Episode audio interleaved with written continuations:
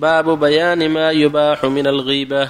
اعلم أن الغيبة تباح لغرض صحيح شرعي لا يمكن الوصول إليه إلا بها وهو ستة أسباب الأول التظلم فيجوز للمظلوم أن يتظلم إلى السلطان والقاضي وغيرهما ممن له ولاية أو قدرة على إنصافه من ظالمه فيقول ظلمني فلان بكذا.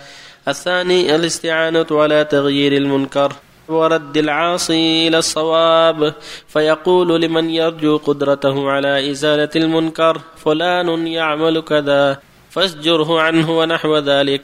ويكون مقصوده التوصل إلى إزالة المنكر فإن لم يقصد ذلك كان حراما. الثالث الاستفتاء فيقول للمفتي ظلمني أبي أو أخي أو زوجي أو فلان بكذا فهل له ذلك؟ وما طريقي في الخلاص منه وتحصيل حقي ودفع الظلم ونحو ذلك. فهذا جائز للحاجة ولكن الأحوة والأفضل أن يقول ما تقول في رجل أو شخص أو زوج كان من أمره كذا فإنه يحصل به الغرض من غير تعيين ومع ذلك فالتعيين جائز كما سنذكره في حديث هند إن شاء الله تعالى. الرابع تحذير المسلمين من الشر ونصيحتهم. وذلك من وجوه منها جرح المجروحين من الرواة والشهود.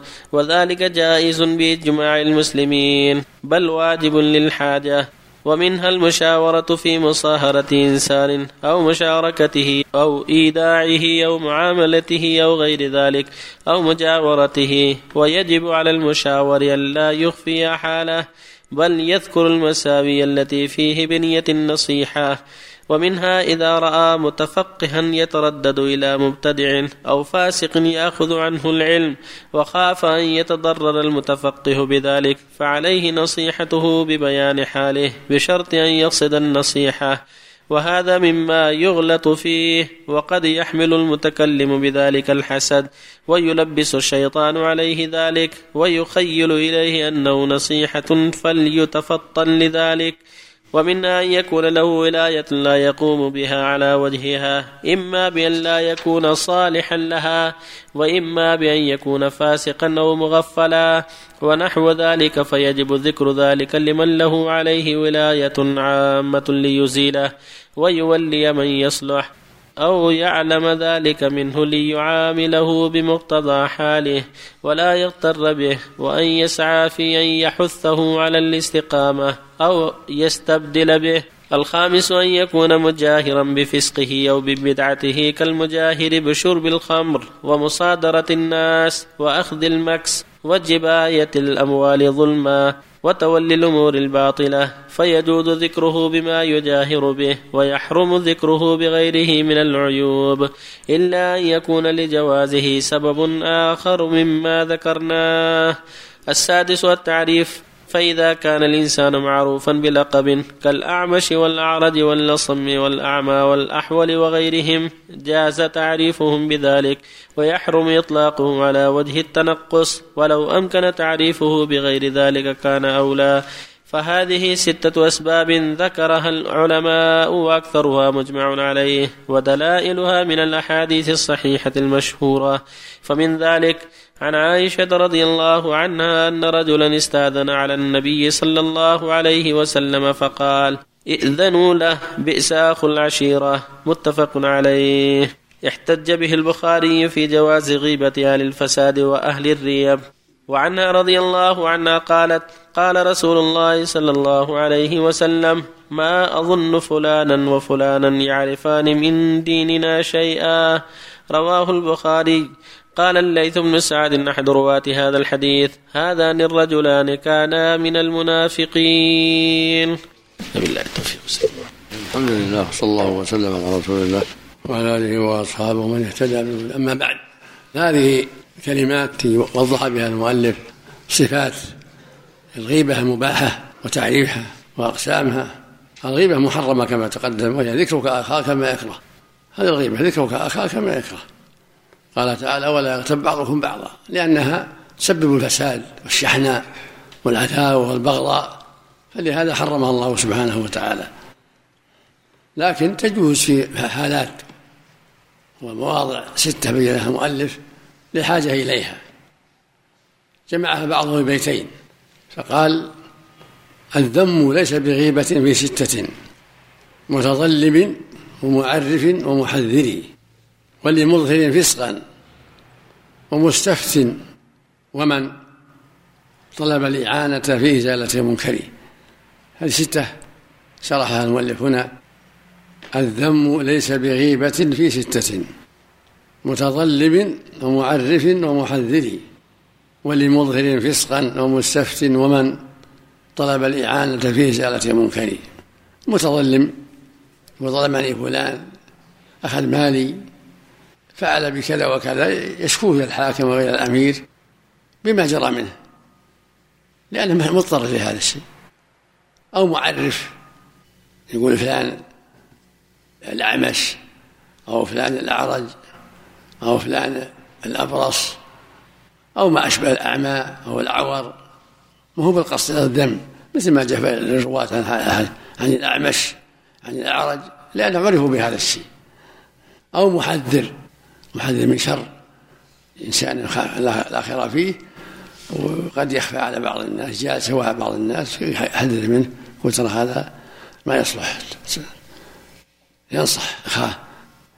مثل ما قال النبي صلى الله عليه وسلم لفاطمة بنت قيس لما استشارته في الزواج من جماعة خطبوها من أبي جهم ومعاوية وأسامة بن زيد وجماعة نصح قال معاوية الصعود كل مال له. وأبو جهم لا يضع العصا عن عاتقه انكحوا أسامة. وهكذا المستفتي جاءت هند قالت يا رسول الله إن أبا سفيان رجل شحيح لا يعطيني ما يكفيني من النفقة. فهل أخذ من ماله بغير علمه؟ ما يكفيني وأولادي؟ قال النبي خذي من ماله بالمعروف. ما يكفيك ويكفي بنيك المستفتية. تقول قاضي أو المفتي زوجي قصر بحقي زوجي فعل كذا يفتيها بما يلزم وهكذا من أظهر الفسق أظهر المعاصي الخمر الربا غير هذا من المعاصي الظاهرة. هذا لا غيبة له فيما أظهر. ومن هذا قول النبي صلى الله عليه وسلم لما سأل عن الرجل قال إذنوا له بئس أخو العشيرة.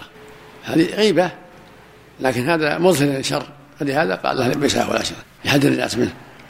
مثل قول فلان وفلان لا يعرفان من ديننا شيئا لأنهم قد أظهر الشر من المنافقين.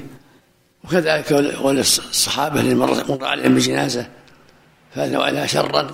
قال النبي وجبت.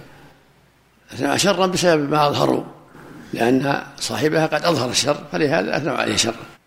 وهكذا من طلب الإعانة في إزالة المنكر. إنسان عنده منكر فطلب الإعانة في إزالة إنسان مثلا يعرف أنه سيقتل فلان أو سيزيب فلانة عنده قد أمسكها فيرفع الأمر إلى الهيئة إلى القاضي إلى الأمير حتى يخلص هذا المظلوم. يستعين به في إزالة المنكر الذي عرفه. وفق الله الجميع نعم. السلام عليكم شيخ. بعض الناس إذا ظلم ينشر يعني ظلم الظالم في غير في غير محله. يذكر مثلا أن الرجل اذا ظلمه لغير لا لا لا لمن ينفعه. يذكره لمن يفيده لمن قاضي أو أمير أو رئيس هيئة أو ناس يفيدون في مظلمته. أحسن الله إليك. عند جرح الرواة وجرح الرواة من التعريف ومن النصيحة. يدخل في الأمرين. يدخل في النصيحة ويدخل في التعريف. جرح الرواة هذا ضعيف هذا وضاع هذا مبتدع هذا شديد كثير الغلط. هذا من النصيحة لله ولعباده. ومن التعريف أيضا يدخل في التعريف وهو من النصيحة. أحسن الله إليك. هل تذكر حسناتهم؟ لا ما المقصود؟ بيان العيب الذي يحذر منه هو المقصود بيان الحسنات. المقصود بيان العيوب التي يحذر منها. أحسن الله إليك. عندما النبي صلى الله عليه وسلم عرف بالصحابة قال وأما هذا ما يضع عصاه ما معنى ما يضع عصاه؟ يقول يتضرب للنساء يطق النساء. نعم. يعني إنه سيء سيء السيرة مع النساء ضراب نعم. أحسن إليك. مثلا لو أتى شخص إلى آخر وقال مثلا بعضهم قال إنه كثير الأسفار يخليها يعني مرته في البيت. نعم. اسفار كثيرة. نعم. ولكن الاشهر الأول هو هو الاظهر انه ضرب النساء نعم. وكلمة السعلوق الصعلوك فقير ما عنده شيء. نعم. ودوري واحد عنده مال ينفق عليه.